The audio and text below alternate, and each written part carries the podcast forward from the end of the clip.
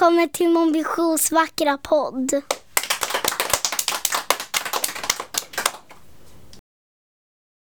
Kapitel 7 Miriam som ägde antikaffären var e- egentligen inte gammal, men hon var lugn på det där sättet som gamla människor är. Ögonen var snälla och hennes hår var ljust, precis som mitt. Jag har gjort nyponsoppa, sa hon när vi gick genom butiken. Tycker ni om det? Jag vågade bara nicka. Jag tänkte att jag tyckte om precis allting med Miriams och hennes affär. Det känns som att föra inuti ett dockskåp, sa jag medan Miriam ledde oss mot köket. Det är meningen det, sa hon. Jag har alltid velat bo i ett dockskåp. Jag också, slängde ur mig. Och jag såg att Miriam och lille Haj låg mot varandra.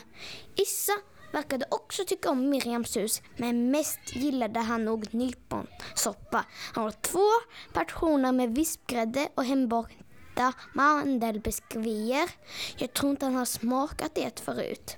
Så det, så den här unge mannen som ska hjälpa, så det här den unge mannen som ska hjälpa Niklasson att minnas, sa Miriam och hällde upp en tredje tallrik åt Issa. Då är det bäst att han äter ordentligt. Issa såg på henne.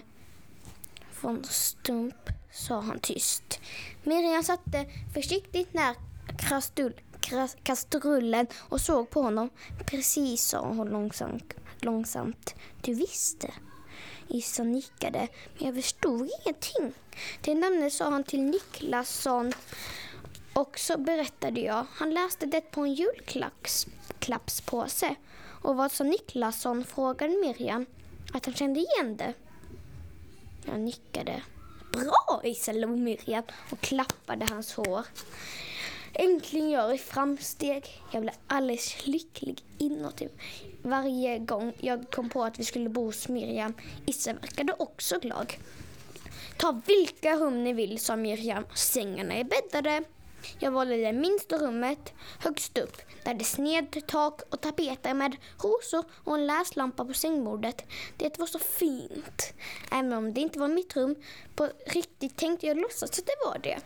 Efter kvällsmaken gick jag till badrummet och tog på nattlinnet som Miriam hade lagt fram. Hon kom in och satte, satte sig på sängkanten och gav mig, lite, gav mig några sagoböcker. Jag bläddrade lite i dem, men mest pratade vi. Det var så lätt att prata med Miriam och jag berättade om mitt liv och hur annorlunda allt hade blivit när Margot kom till barnhemmet efter att hennes mormor dött.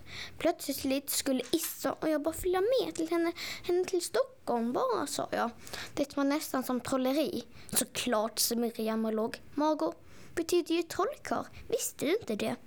Miriam berättade också att min, mitt namn Stella betyder stjärna. Det hade ingen någonsin berättat för mig. Lilla Stella, sa hon och strök mitt hår. Vi kommer behöva ditt ljus. Ska jag vara Lucia eller? Jag fick vara Lucia på barnhemmet en gång och jag skulle gärna vilja vara det igen. Miriam låg men, låg, men såg ändå ledsen ut. Vi behöver ljus för att Niklasson ska se igen. Han har varit i mörkret så länge. Jag förstod det inte nu heller.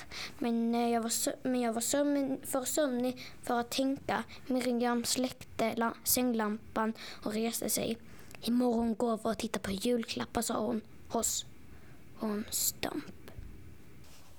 Tack till alla trofasta lyssnare. Hej då.